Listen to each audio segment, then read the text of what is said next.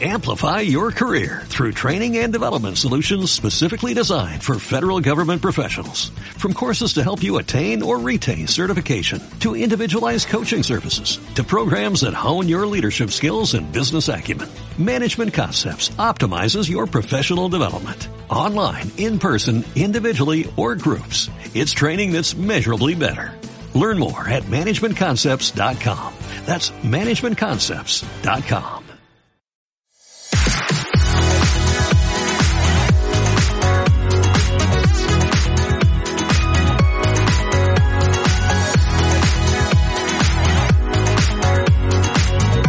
Al dia Terres de l'Ebre, amb Leonor Bertomeu.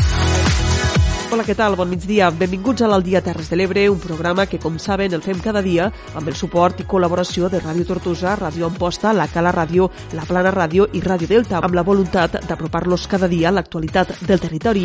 Avui, divendres 8 de maig, l'actualitat mana i estem pendents de la compareixença que han fet este matí i que ha acabat just fa uns minuts de la directora territorial de Salut, Mar Lleixa, i del delegat del govern, Xavier Pallarès, en la que han informat de com es farà la desescalada a les Terres de l'Ebre. Per saber-ne l'última hora, connectem amb Ràdio Tortosa, ja que Núria Mora ha pogut seguir la compareixença en directe. Endavant, Núria.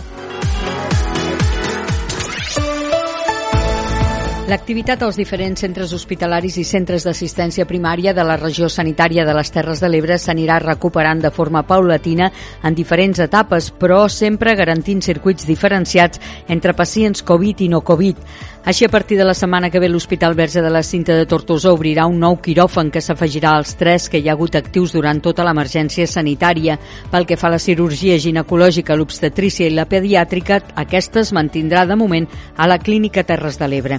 En aquest centre hospitalari de titularitat municipal de Tortosa es recuperaran, però, proves diagnòstiques i consultes amb cita prèvia, preferentment serà per via telemàtica. A l'Hospital Comarcal de Mora d'Ebre es reprendrà la setmana que ve també l'activitat programada de quiròfans i les consultes externes referents a intervencions quirúrgiques. També s'activaran la rehabilitació ambulatòria a Flix i a Tivissa. A l'Hospital Comarcal d'Amposta no serà fins d'aquí unes setmanes que es reprengui la cirurgia major ambulatòria. A finals de maig es començaria l'activitat quirúrgica urgent. Salut valora la possibilitat d'habilitar a l'Hospital d'Amposta una zona nova per casos Covid. Els centres d'atenció primària secundaris de les Terres de l'Ebre recuperaran l'activitat de forma progressiva també la setmana vinent amb visites programades o amb cita prèvia. Mar Lleixà, directora de Salut a les Terres de l'Ebre. Però a partir de la setmana vinent eh, anirem incorporant i s'aniran incorporant tots els caps secundaris, no? Per exemple, per ficar exemples, eh, no els diré tots, Santa Bàrbara, Camarles, eh, Xerta, Alcanar, etc. Això s'anirà obrint, però s'anirà obrint per fer activitat programada. És a dir, aquests caps estaran tancats eh, per evitar que les persones hi vagin eh, entenent que és molt important mantenir aquest ordre i les persones acudiran eh, sota una citació prèvia, espaiada i com toca. D'altra banda, a partir de dilluns, Salut farà proves PCR a totes les persones amb sintomatologia lleu de la regió sanitària de les Terres de l'Ebre en cas que es confirmi que s'entra en la fase 1 de desconfinament. Marc Lleixà. Per què ho fem, això? Pues per poder detectar d'una forma molt i molt precoç qualsevol rebrot o repunt que poguéssim tenir. I a més a més, eh, des de l'atenció primària, els professionals, a més a més de fer-li la PCR a aquella persona, es mirarà aquelles persones en les que conviuen i si tenen sintomatologia també se'ls farà esta, esta prova diagnòstica. D'altra banda, en el cas de Tortosa, la línia pediàtrica que es va ubicar al Cap de Roquetes es mantindrà en aquest centre, donant la seva capacitat per mantenir el circuit diferenciat. En canvi, l'ubicat a la Clínica Terres de l'Ebre retornarà al Cap Bagebre. El telèfon habilitat com a atenció al ciutadà a les 24 hores del dia passarà a ser operatiu en un nou horari de 8 del matí a 6 de la tarda. Gràcies, Núria Mora, per esta informació d'última hora de la roda de premsa que han mantingut este matí la directora dels Serveis Territorials de Salut, Mar Lleixa, i el delegat del govern a les Terres de l'Ebre, Xavier Pallarès. Més enllà d'esta notícia, el dia d'avui ens deixa altres titulars que anem a repassar tot seguit.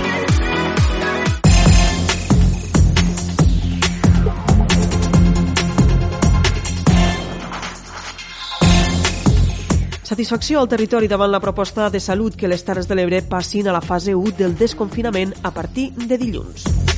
L'Ampolla es proposa ser destí turístic lliure de coronavirus amb cursos específics i recomanacions de prevenció de màxims. El ple de la Mella de Mar aprovarà avui més mesures fiscals contra l'impacte econòmic del coronavirus. Deltebre paga les factures en només 4 dies i no ha de prendre mesures per avançar liquiditat a proveïdors com s'hi han hagut de fer altres ajuntaments durant la crisi de la Covid-19. Durant este confinament s'ha avançat en els tràmits de 5 nous parcs eòlics a la comarca de la Terra Alta. Es prorroga la licitació de la redacció del projecte del nou consultori local de Jesús i a Amposta es reemprèn la restauració de la zona del castell amb les obres de recuperació i posada en valor de la celòquia del castell de l'Ordre de Sant Joan. Estos són els titulars d'avui divendres, 8 de maig. Ens posem tot seguit a l'Aldia Terres de l'Ebre a ampliar-los tota la informació.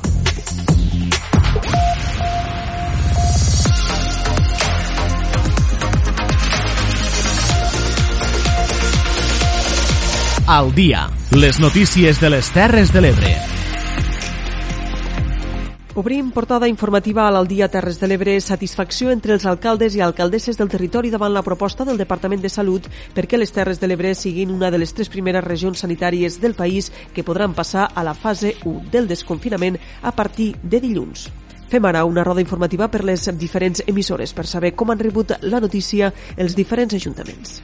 L'alcaldessa de Tortosa, Meritxell Roger, ha celebrat que es reconegui l'especificitat de les Terres de l'Ebre de cara al desconfinament. Ha assegurat que és important que el territori pugui començar la desescalada tenint en compte no només l'evolució de positius de coronavirus, sinó també aspectes com la densitat demogràfica o la mobilitat. De tota manera, Roger reclama que es facin més testos al territori per tenir la certesa dels casos que hi ha i ha demanat molta prudència a la ciutadania perquè ha recordat que encara no s'ha superat la pandèmia. Molt contents de que poguéssim passar amb aquesta fase 1, però a la vegada també demanar que eh, continuem tenint necessitat de poder fer més tests a nivell de territori per tal de tindre l'absoluta certesa de que realment aquí els casos són els que són i per tant molta prudència a la població i també demanar molta responsabilitat perquè encara no estem en un moment que haguem separat, superat del tot aquesta pandèmia.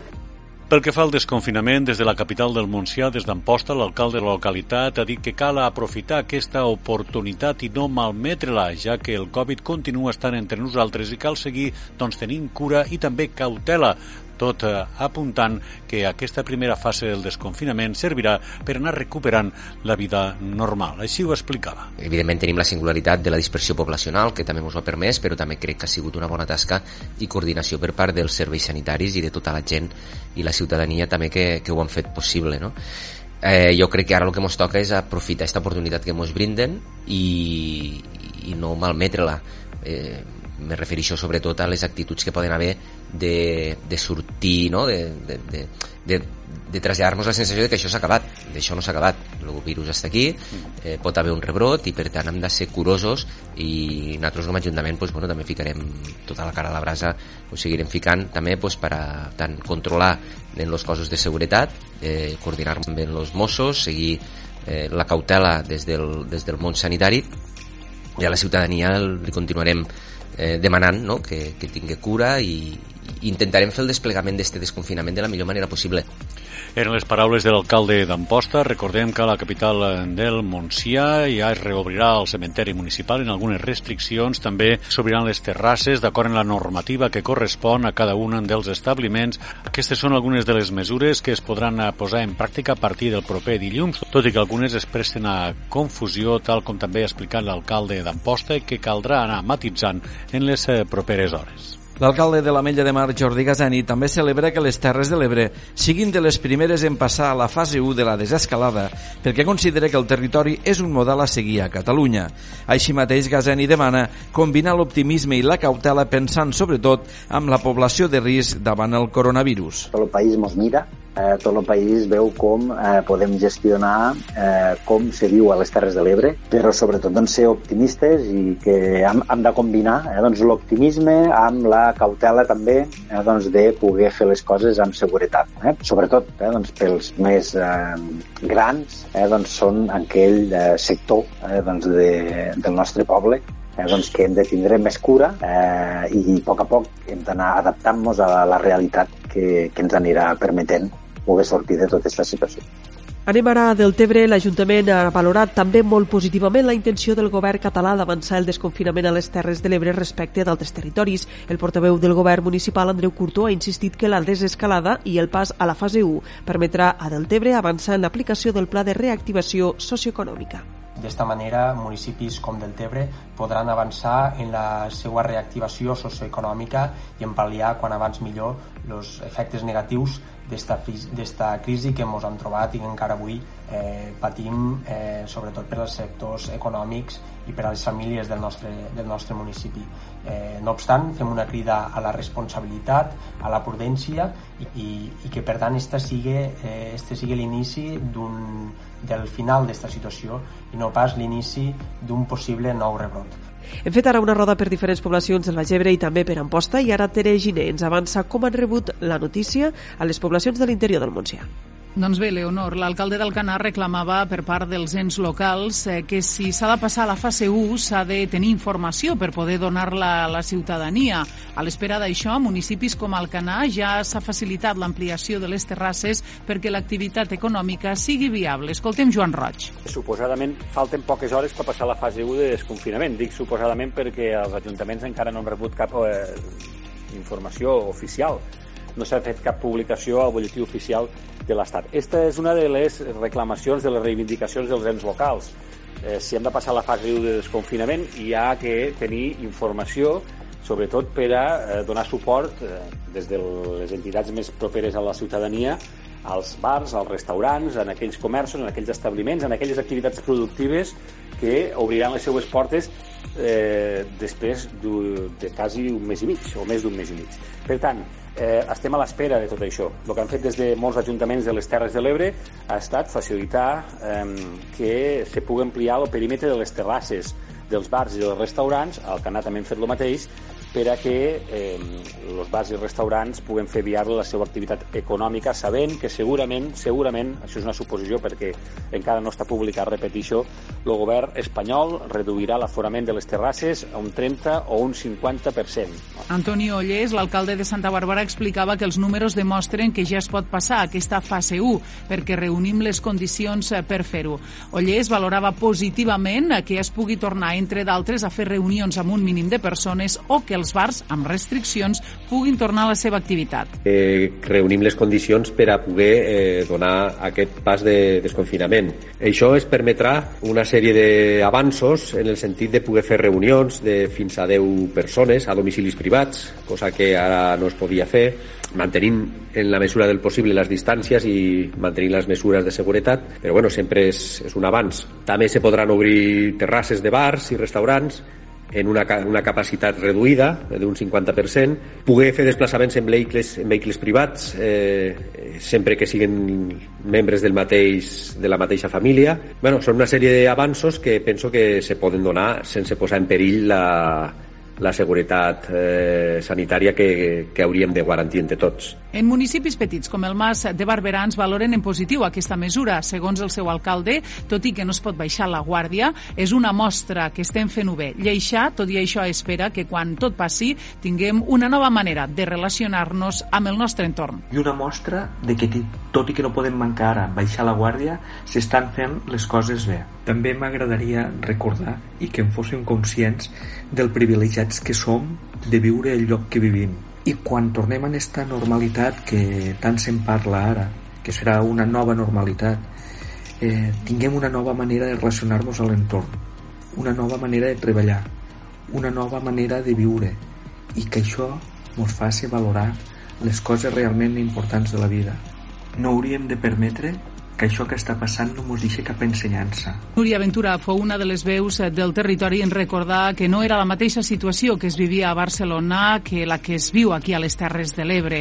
Recorda que, tot i que passem a la fase 1, s'ha de seguir tenint molta precaució. Sens dubte és una bona notícia que passéssim ja en esta primera fase de la desescalada, tot i així des de l'Ajuntament continuem recomanant prudència a tothom que faci cas de les recomanacions eh, de les autoritats sanitàries perquè només d'esta manera podrem anar avançant, encara que sigui a poc a poc, però amb total seguretat.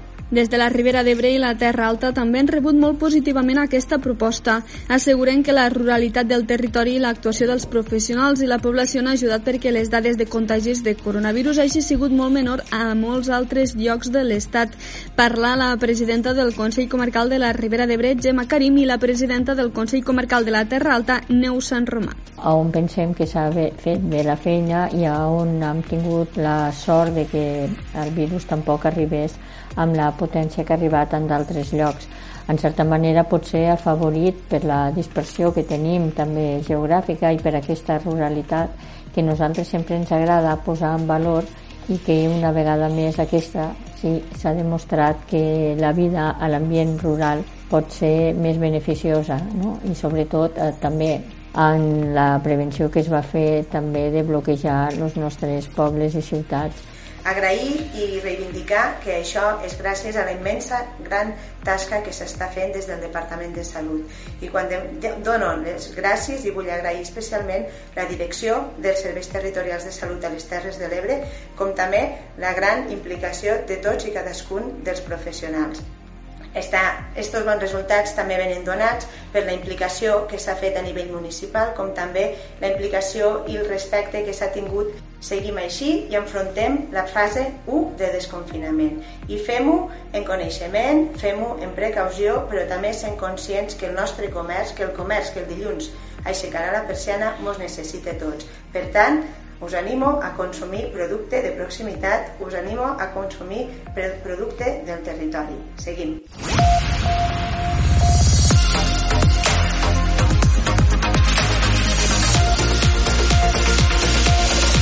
al dia. Parlem ara de la reactivació del sector turístic i de la iniciativa que ha tingut l'Ajuntament de l'Ampolla. I és que més enllà dels protocols que estableix el govern espanyol per arrencar la campanya turística i reobrir els allotjaments, l'Ajuntament Ampollero i l'Associació Local d'Empresaris Adela han preparat un pla integral de protecció per convertir-se en destí turístic Covid-safe, és a dir, lliure de coronavirus. Ens informa Francesc Callau des de la Cala Ràdio.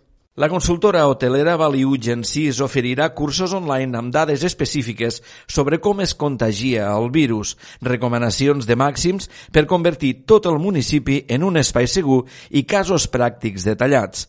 L'alcalde de l'Ampolla, Paco Arassa, explica que el pla vol eliminar qualsevol risc de contagi. Quan va iniciar-se el confinament i va passar Setmana Santa, vam veure en seguida des de l'Ajuntament i com no el sector empresarial, el sector de l'Associació d'Empresaris de l'Ampolla, que havien de fer alguna cosa, que no ens podíem estar parats, sinó que havien d'anar preveint, tal com això s'estava allargant, que havien de fer alguna decisió o havien de planificar alguna, eh, alguna acció, algun pla per a poder afrontar la temporada turística i no, i no perdre al 100%, sinó intentar eh, aprofitar al màxim aquesta temporada turística. Per això vam encarregar a una empresa de consultora de especialitat en hostaleria de Barcelona, i vam contactar concretament amb el Julio Herrera, per a que ens fes aquest pla integral de, pre de prevenció per transformar a l'ampolla en un destí eh, sa, en un destí segur, no?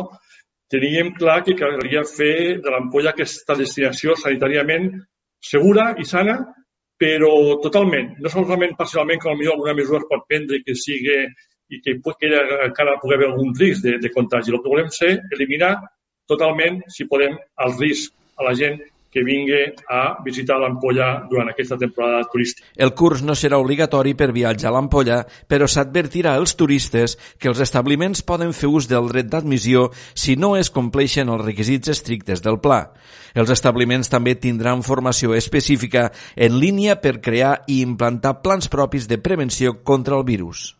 Abordem ara altres qüestions a l'Aldia Terres de l'Ebre. El ple de la Mina de Mar es reunirà telemàticament avui divendres a la tarda per aprovar un segon paquet de mesures fiscals dins del pla de xoc per combatre els efectes econòmics del coronavirus al municipi. És una crònica de nou de Francesc Callau. Dins les modificacions dels tributs, destaca la suspensió de la taxa d'ocupació de la via pública anunciada dilluns i una nova modificació del calendari del contribuent per ampliar el termini de pagament de l'impost de vehicles fins al 31 de juliol.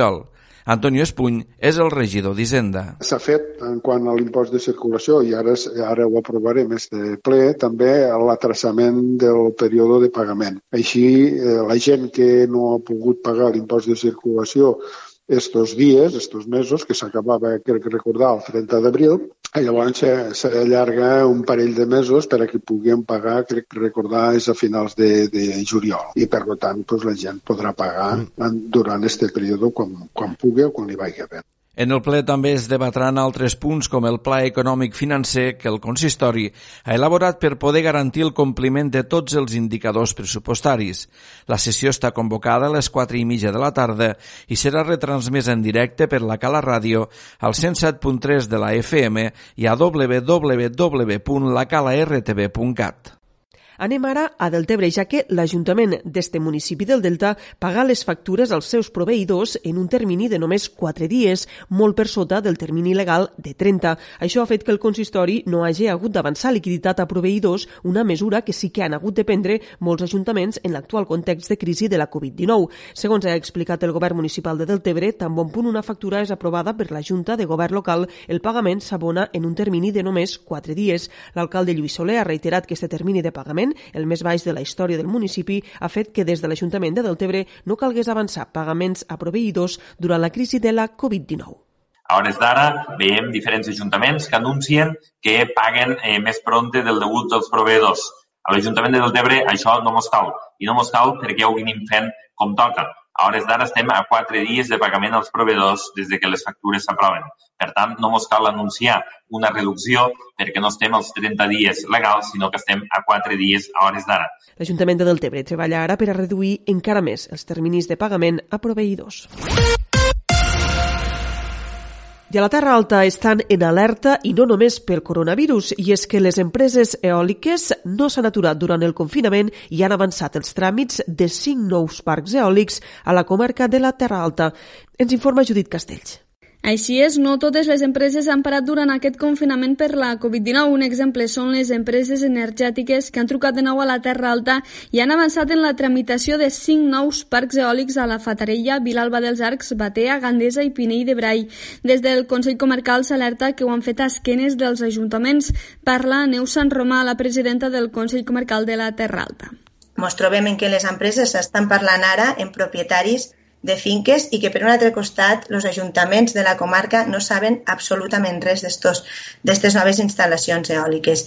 Reiterar i reafirmar que la voluntat política de la comarca eh, ha estat aprovada per una moció per unanimitat dient que no volem cap parc eòlic més a, a la Terra Alta aquests cinc nous parcs eòlics a la comarca li toquen de ple a la Fatarella, ja que tots ells afecten el seu terme municipal. Parla el seu alcalde Cisco Blanc com estan plantejant, aquí un increment importantíssim de parcs eòlics a la Fatarella, en dues subestacions més, més la que tenim, més eh, 16 molins més els que ja tenim dels 21, més totes les línies de vocació. Per tant, mos està, penso jo, trinxant, en aquest cas, el territori. Després de dirigir-se als departaments de Territori i Sostenibilitat, Empresa i Coneixement i al delegat del govern a les Terres de l'Ebre, l'Oficina de Medi Ambient ha reafirmat els projectes. A les Terres de l'Ebre hi ha un total de 14 expedients de projectes de parcs eòlics, dels quals 7 són a la Terra Alta, el 5 de la Fatarella i dos més al Pinell de Brai.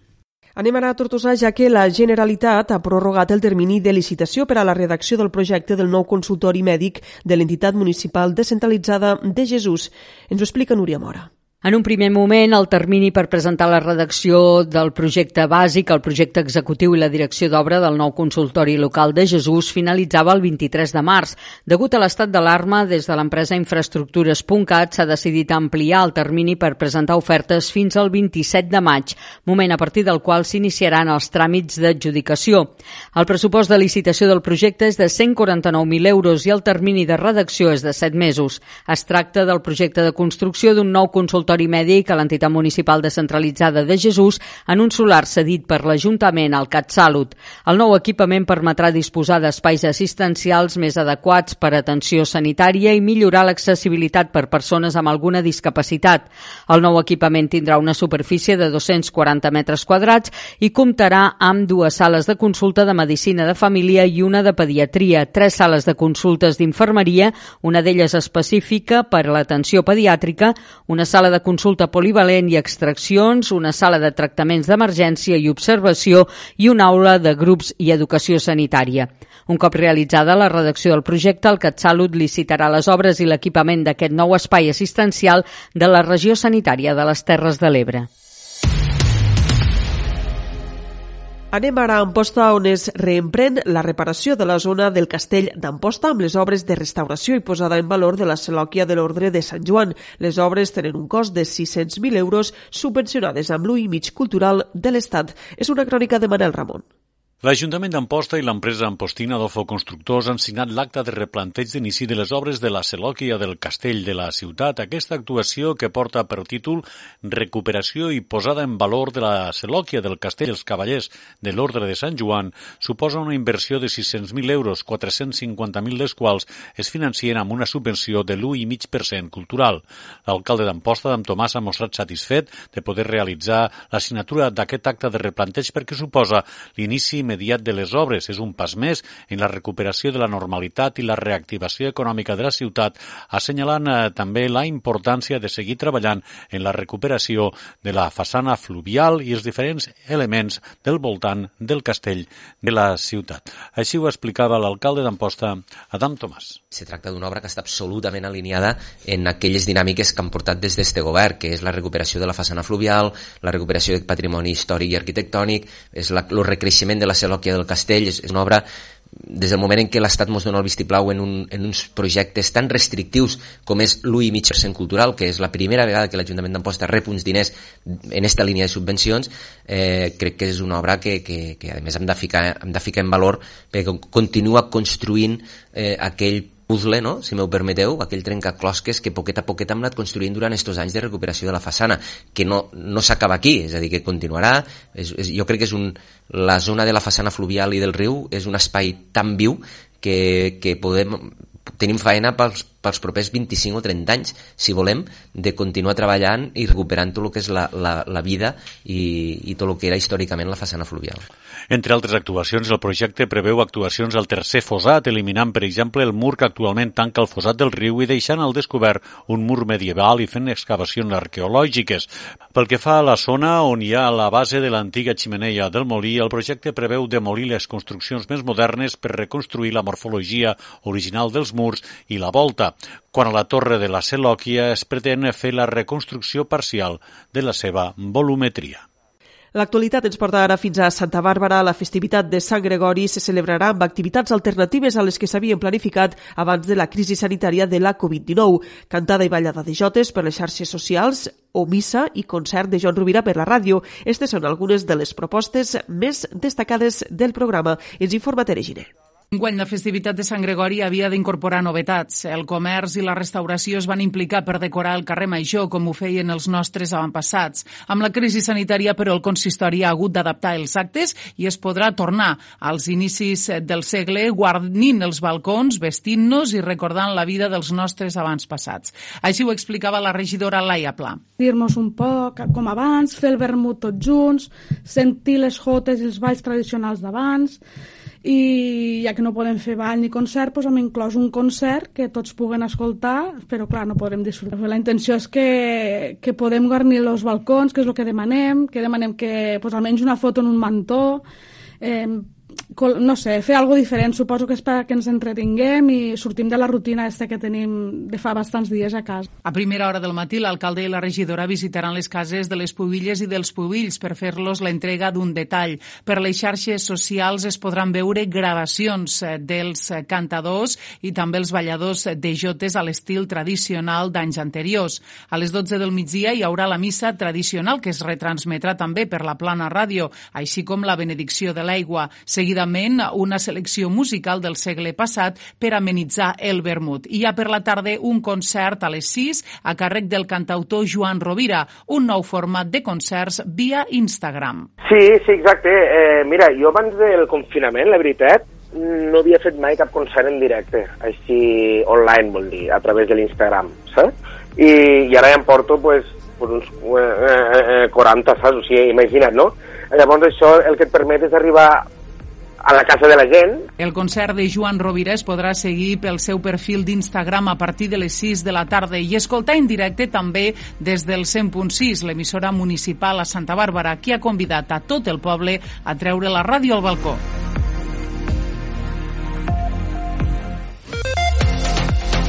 El curs 2020-2021 s'oferirà el doble grau d'Educació Infantil i Educació Primària al campus Terres de l'Ebre de la URB. Ahir ho va aprovar el Consell de Govern de la Universitat, uns nous estudis que sumen al nou postgrau de Tecnologia de l'Aprenentatge i del Coneixement que també oferirà el campus ebrenc i que ja es va anunciar ara fa uns mesos. Per parlar-ne de tot plegat i saber també com s'ha adaptat la universitat a l'alerta sanitària de la Covid-19, saludem al director del campus de les Terres de l'Ebre, Jordi Sardà. Bon migdia i benvingut a l'Aldia Terres de l'Ebre. Hola, bon dia. Esta setmana el campus ebrenc fa la tradicional jornada de portes obertes per mostrar la seva oferta formativa als nous estudiants, una jornada que l'heu hagut de fer virtual. En tot cas, però, ja es podran oferir estos dos nous estudis als quals fèiem referència, el doble grau d'educació infantil i primària i el postgrau en tecnologies de l'aprenentatge. Correcte. Nosaltres, com ja era conegut, teníem o normalment tenim tres, tres sessions de jornades de portes obertes que solen ser presencials, per raons òbvies aquest any n'hi ha hagut dos d'aquestes tres que no les han pogut fer i llavors la universitat va pensar pues, en fer-les d'una manera virtual eh? i de fet es pot accedir des d'ahir, avui i demà en aquestes jornades. Només cal inscriure's i allí pues, un troba exactament la mateixa informació o més de la que trobaria si ens visités. En tot cas, això, no? que es, ja es podran oferir estos dos nous estudis als quals eh, parlàvem abans, este doble grau en educació infantil i primària i el postgrau en tecnologies de l'aprenentatge. Explica'ns una mica més en què consistiran estos nous estudis. Correcte. Havia el, el primer, havia el doble grau, el d'educació infantil i primària, simplement complementa, per dir d'alguna manera, els estudis de grau que tenim aquí. Aquí tenim l'estudi de grau d'educació infantil i l'estudi de grau d'educació primària a Tarragona, a Naví, que és la, on està la, la facultat en si, la, la seva seu, ja ofereixen 30 places d'aquest doble grau.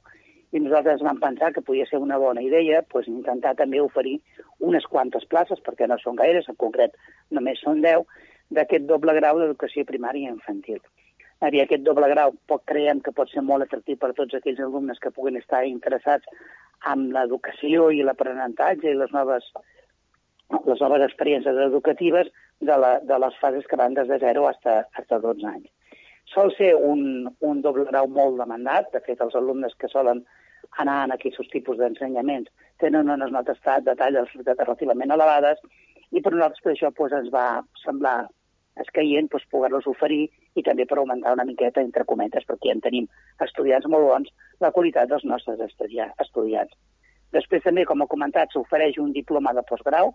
Aquest no és un títol oficial, és un títol propi de la universitat, que és en tecnologia, tecnologia de l'aprenentatge. Això complementa tota la formació tant d'educació infantil i primària, aprofita una altra novetat que nosaltres posarem en marxa aquest setembre al campus, que és una, o que en diem una aula de futur, i d'alguna manera aquest aula de futur, que simplement és desenvolupar tecnologies de l'aprenentatge utilitzant les últimes tecnologies, els últims avançaments tecnològics, que a més a més ara s'ha posat de manifest la seva importància i doncs, amb això les dues coses juntes doncs, faran aquest, aquest diploma de postgrau. Amb estos dos nous estudis, no sé si podríem dir que el campus ebrenc s'està especialitzant amb les ciències de l'educació. Actualment és la branca en la que hi ha més oferta formativa. És així, crec, no? A veure, això crec que s'ha de matitzar. A veure, ara precisament el dia 20 de maig, nosaltres teníem preparada fer una festa, volíem fer un, un acte important, perquè farà exactament 15 anys que es va assignar la creació del campus. Des de llavors se van establir tota una sèrie d'ensenyaments, que són els que, que donem actualment en el campus, i simplement dir, el que fem això d'aquest doble grau i aquest postgrau és una mica una coincidència en el temps. E té raó, que és el que passarà en el curs que ve, doncs és això, hi ha més pes la rama d'educació, però dintre del plantejament que nosaltres estem fent dintre del campus, crec que si les coses ens surten bé, perquè mai se sap, ha dit que no ens quedarem aquí i intentarem que hi hagi altres coses, tant en l'àmbit de la salut com en l'àmbit d'economia, que són els altres dos graus que nosaltres tenim aquí. I ara li anava a preguntar que també els estudis d'infermeria del campus ebrenc estan molt ben valorats i també s'ofereixen eh, al campus estudis en administració i direcció d'empreses. Amb tots aquests estudis creu que hi ha bona presència de la URB al territori?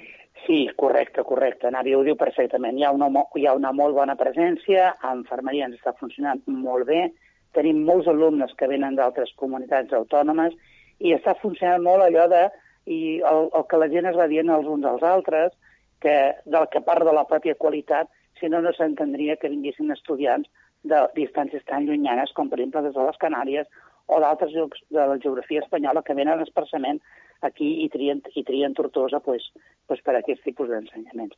Però, com li deia abans, nosaltres posem aquests dos ensenyaments en marxa aquest curs que ve, però estem convençuts que el curs que ve podrem posar en marxa altres, altres estudis que seran relacionats o bé a la, amb els negocis, l'economia, l'administració i direcció d'empreses, o bé amb l'àmbit de la salut. Ens en pot avançar algun d'estos nous estudis que es podrien cursar pròximament aquí al campus de les Terres de l'Ebre? D'aquest no, d'aquest setembre no, perquè ja no hi estem a temps en aquestes coses. Això quan, quan vaig arribar ara ja fa dos anys aquí a la direcció del campus és la primera cosa que em van preguntar, no? pels nous estudis, etc. I aquest, posar en marxa un nou estudi sempre és una cosa complicada, complicada temporalment. A dir, si nosaltres volem posar una cosa que no existeixi en tota la universitat, que fos totalment diferent del que tenim a, a la URB, doncs llavors nosaltres necessitaríem almenys 3 o 4 anys només entre eh, dissenyar-ho, presentar els papers, eh, revisar-ho, que tot creptessin, etc. O sigui és sempre tot un procés lent. Les coses són més ràpides si fas, o, o com el cas del, del diploma de postgrau, si fas una cosa que és un títol propi, que això es pot depèn de la pròpia universitat i és bastant més ràpid, però encara i així un any no te'l treu ningú, i el que és potser més ràpid és la replicació d'algun estudi que ja estigui a la universitat, com ha sigut aquest cas el doble grau d'educació infantil i primària. El CERI, ja està verificat per l'administració i simplement es tracta de tenir un, un, un grup més al campus, en aquest cas, de les Terres de l'Ebre. A veure, nosaltres estem treballant en diferents, en, difer en tots els àmbits. La veritat és que estem treballant en tots els àmbits. No puc adelantar absolutament res perquè encara està tot una mica, una mica tot en fase d'estudi i tampoc es tracta de dir coses que després igual no, no seran. Però sí que li puc dir que estem treballant en tots els àmbits. En l'àmbit d'educació, creiem que aquestes dos ensenyaments ens ho completen bastant, però també estem treballant en l'àmbit de la salut, estem treballant en concret amb les coses d'enfermeria, però també estem treballant amb les coses d'administració i direcció d'empreses. Què és el que ens sortirà? Nosaltres som ambiciosos, però al final les coses no sempre surten al 100%. Esperem que sí, però ja veurem. I és el màxim que puc dir fins a ara. Un dels seus objectius quan va ser nomenat director del campus era recuperar els estudis de màster. No sé si està parlant d'això, de recuperar nous estudis de màster. Això és una altra de les línies que tenim en, en pensament. El que passa que els, els estudis de màster a veure, són estudis que són cars per la pròpia universitat i necessiten una presència important de professorat i també són cars per part de l'alumne en, quant, en quant les matrícules. Doncs la rendibilitat d'un estudi de màster, com s'ha ser una cosa molt especialitzada, és molt complicada. Però sí que nosaltres tenim clar, i aquesta experiència d'això de, del Covid-19 ens ho ha demostrat, és que la universitat és capaç d'adaptar-se a les noves situacions i no necessàriament tot ha de ser presencial. Això crec que per nosaltres pot ser una oportunitat. Llavors, es pot fer estudis, o es poden fer màsters, o es poden fer el, el que sigui necessari, com, amb combinacions entre presencialitat i no presencialitat, que poden fer més atractius uns determinats tipus d'estudis. A nivell de URB, per exemple, a tall d'exemple, i a nivell de URB estem tenint moltíssimes preinscripcions en màsters que ofereix la universitat en general on tot és no presencial, o sigui que tot està virtualitzat. Amb les coses que són presencials estem tenint problemes. Per altres, en els màsters hi ha moltíssima gent, en segons quins màsters, això, eh? Hi ha moltíssima gent que ve de fora, que són estrangers, i aquesta la matrícula a, a dates d'avui ha baixat d'una manera considerable. Però sí, també és una de les possibilitats que estem mirant pel campus però ja veurem com, com acabarà. Parlem ara de com la universitat s'ha hagut d'adaptar a la crisi de la Covid-19. Abans fèiem referència a les jornades de portes obertes que es fan de manera virtual. Quines altres mesures s'han hagut de prendre d'entrada doncs, que el segon semestre haurà de ser telemàtic? Bàsicament, sí. I la veritat és que hi ha hagut una reacció formidable tant per tot el personal de suport que ha hagut de fer un esforç extraordinari per adaptar o i preparar totes les webs o preparar totes les plataformes informàtiques perquè tothom hi pogués accedir, com per part de l'alumnat, com i també per part del professorat, en el qual, evidentment, jo dono especialment gràcies i a l'equip directiu de la universitat també per tot l'esforç que això ha comportat i que creiem que ha funcionat raonablement bé. Sempre hi ha problemes, sempre, i sempre hi ha casos particulars pues, que on es poden accedir, o que la de gent viu en un determinat lloc on no hi ha manera de que arribi una connexió en garanties, o simplement un no té un ordinador o simplement un no té una connexió. I això és vàlid tant per a l'alumne com per al professor. La universitat ha fet un esforç molt important en intentar anar solucionant sempre com, com tingut coneixement d'això totes aquestes casuístiques individuals, les hem anat intentant solucionar de la manera que hem pogut, i la veritat és que les coses han funcionat bastant bé. S'han fet classes, eh, o ja dir, virtuals, s'ha fet moltíssima més atenció per, per, evidentment, per, per ordinador per les diferents plataformes que tenim, i evidentment una part important de l'avaluació, per no dir moltes assignatures o han adaptat ja, s'han fet també totes, o s'estan fent, perquè encara això no s'ha acabat, online. De tota manera, la universitat com a tal ha preparat diferents convocatòries de tal manera que ningú, absolutament ningú, quedi perjudicat per el fet d'aquesta pandèmia. Llavors, per exemple, la universitat ha preparat exàmens presencials, que tot depèn de com funcionen les coses, que estan previstes una primera convocatòria per al juny-juliol d'aquest mateix any i una segona convocatòria per al setembre. Segurament això ens obligarà a retrasar una mica l'inici del curs, però creiem que és important que ningú quedi perjudicat per a, per a, tot, aquest, per a tot aquest Covid i tota aquesta pandèmia. O sigui, la universitat ha fet un gran esforç i les coses, la veritat és que la reacció ha estat molt positiva i un percentatge molt, molt elevat de les assignatures es poden fer d'una manera, entre cometes, normal, mitjançant totes les plataformes online. Creu que el pròxim curs se podrà reprendre en normalitat? Això és, eh, és difícil, molt difícil de, de predir. I, evidentment, nosaltres no tenim la boleta màgica que podem mirar què és el que passarà en el futur. La veritat és que no ho sabem. Tampoc tenim directrius clares de què és el que hem de fer o hem de deixar de fer. Estem contemplant, perquè ho estem començant a contemplar, diferents escenaris però les coses es compliquen. I si de veritat ens obliguen a mantenir distàncies de dos metres, és obvi que no podem tenir cap classe sense estudiants com alguns dels nostres campus passen. No és potser el cas d'aquí, de les campus de les Terres de l'Ebre, però és, vaja, és quasi inviable, no? Però també ens ha demostrat el que comentava just abans, que podem intentar fer combinacions entre presencialitat i coses o parts eh, d'una manera telemàtica o d'una manera online. Dir, fins que no tinguem instruccions clares tampoc podem avançar massa, perquè també depenem molt del que digui sanitat. La sanitat diu que això va d'aquesta manera, doncs nosaltres no podem fer-ho al revés, no? Llavors depèn molt de, què, com evolucionen les coses i, com, i, i de, com, de què és el que ens diguin, en definitiva, no? Doncs moltes gràcies, Jordi Sardà, director del campus de la URB a les Terres de l'Ebre. No tenim temps per a res més. Gràcies per ser al Dia Terres de l'Ebre i fins una altra. Molt bé, moltes gràcies a vostès, un plaer. I anem ara fins a la Plana Ràdio. Avui Clara Seguí i Assumpta Arassa ens porten l'últim episodi de Psicologia en temps de confinament. Benvinguda a Assumpta Arasa, psicòloga general sanitària. D'això ja se'ns acaba, però avui hem de parlar de temes molt importants també, qüestions que hem de tindre presents a partir d'aquest moment mateix de la fase de desconfinament i també, com ja hem estat dient en algunes altres entrevistes, què passarà després de, de tot això. Hola, bon dia. Avui, Assumpta, hem de parlar ja per a tancar totes aquestes entrevistes que hem anat fent amb tu, si et sembla, del control polític no, que hem tingut durant aquest temps, del que ens espera també després si, si acceptarem aquesta, aquesta mena de control que ens ha mantingut a les nostres cases, aïllats, sense revolucionar-nos, sense estar doncs, una mica a l'expectativa de, del que passarà, però sense una visió crítica. També el fet que han sortit les aplicacions mòbils per a saber si tenim coronavirus, on estem, eh, què farem, el fet de controlar-nos també la temperatura a partir d'ara als aeroports. És a dir, estan sortint tota una mena de, de controls, com deia al principi, no? que ens privaran encara més la llibertat que ens han privat ja ara en el confinament, que evidentment ho havíem de fer, no? però ho podíem fer d'una altra manera. Aquí jo crec que el primer és, uh, jo crec que el sentit d'irrealitat que uh, el primer dia vam, vam experimentar tothom és algo tothom dic, perquè va, crec que va ser una cosa bastant generalitzada. té un dijous normal, jo me'n recordo estar muntant una exposició que s'havia d'inaugurar i no s'ha inaugurat, de fet, avui l'havia d'anar, havia de ser la cloenda, Uh, divendres uh, les criatures no van a l'escola i dissabte el país es para. Jo crec que va ser molt ràpid i no... I clar, vam estar en el que es diu una fase de xoc. En una fase de xoc que ens explicaven que semblaven que estiguéssim en una pel·lícula d'aquestes de pandèmies que hem, hem vist 10.000 vegades per la televisió, molt mm. americanes i que estan molt distanciades mm, de la realitat, no? Són ciència-ficció i ja està.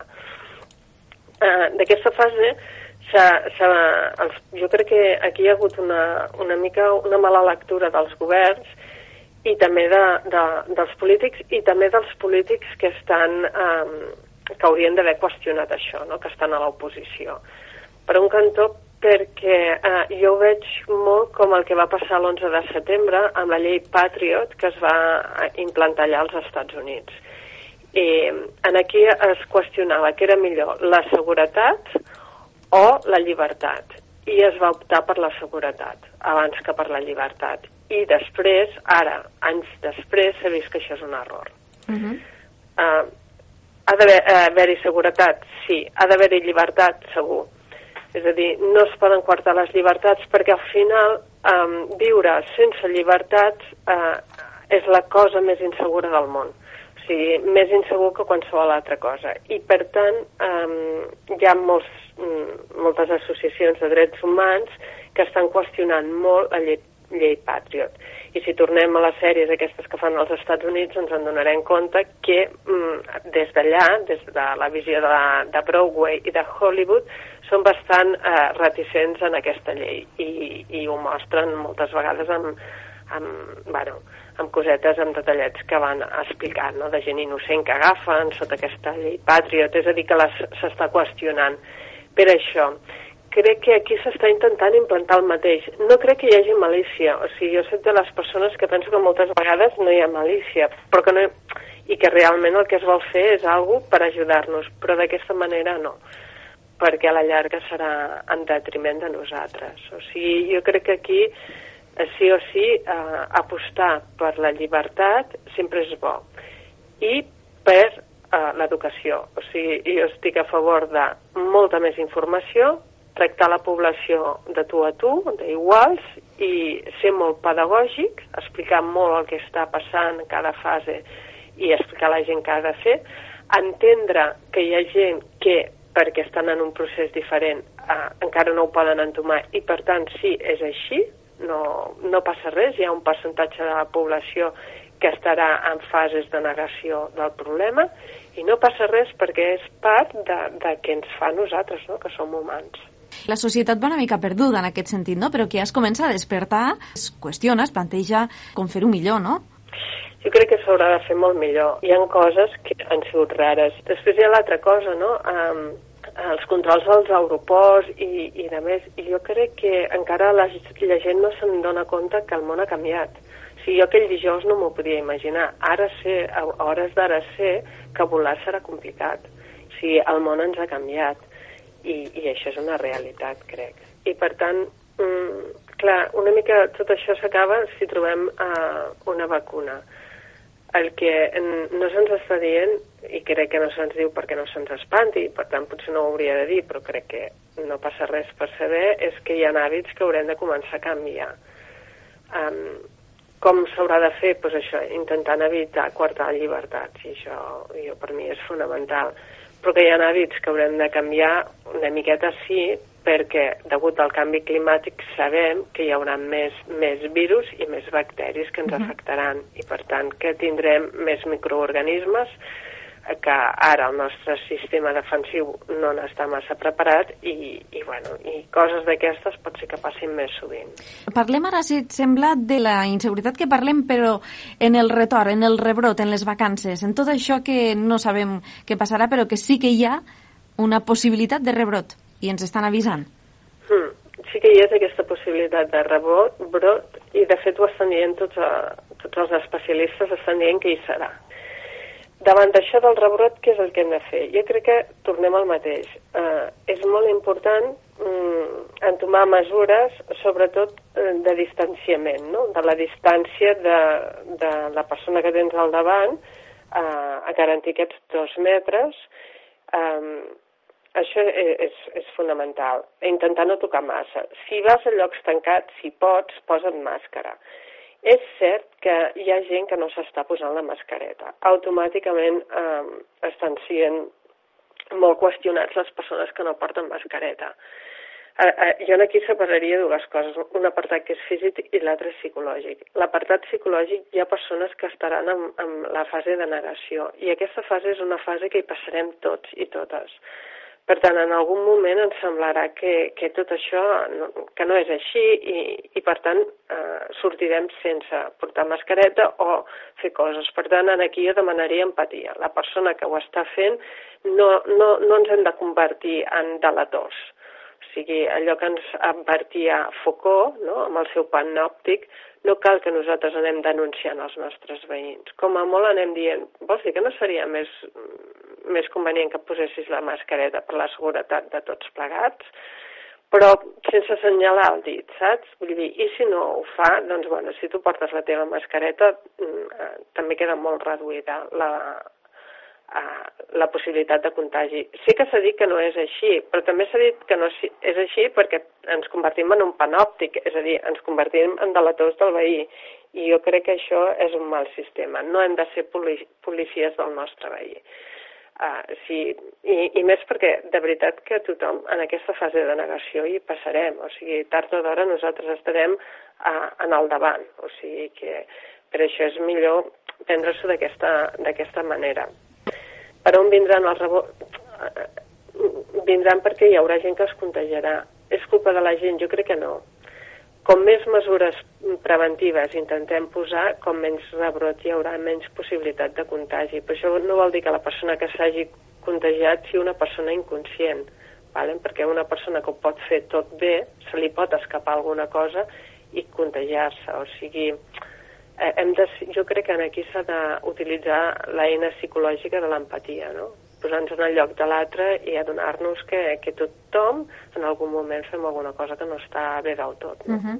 Doncs bé, Assumpta, ho deixem aquí, així que donar-te les gràcies per aquests espais. Sí, ha sigut un, un plaer eh, i moltes gràcies per haver-me deixat aquest espai per poder parlar, sobretot crec que hi havia moments en què era, era necessari que els psicòlegs estiguessin uh, en primera línia i, i gràcies per, per haver-me donat aquest espai. Moltes gràcies a tu, Assumpta Arasa, per la teva participació, la teva predisposició i tots aquests consells i aquestes xerrades que hem anat fent. Hem parlat amb Assumpta Arasa, psicòloga general sanitària. Que tingués un bon dia. Bon dia, vosaltres també.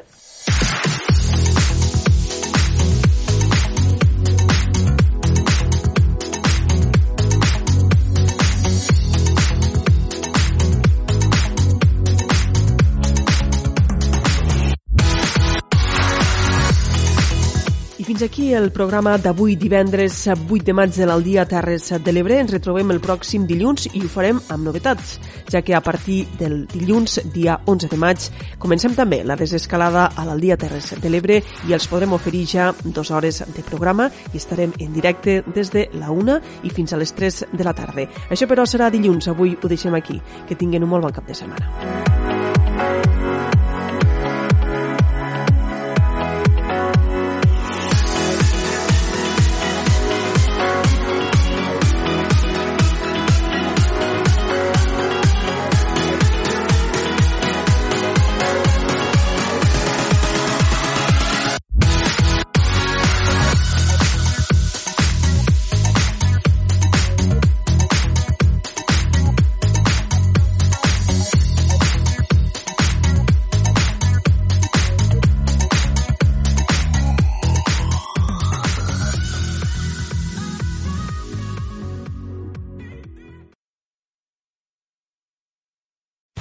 Amplify your career through training and development solutions specifically designed for federal government professionals. From courses to help you attain or retain certification, to individualized coaching services, to programs that hone your leadership skills and business acumen, Management Concepts optimizes your professional development. Online, in person, individually, or groups. It's training that's measurably better. Learn more at managementconcepts.com. That's managementconcepts.com.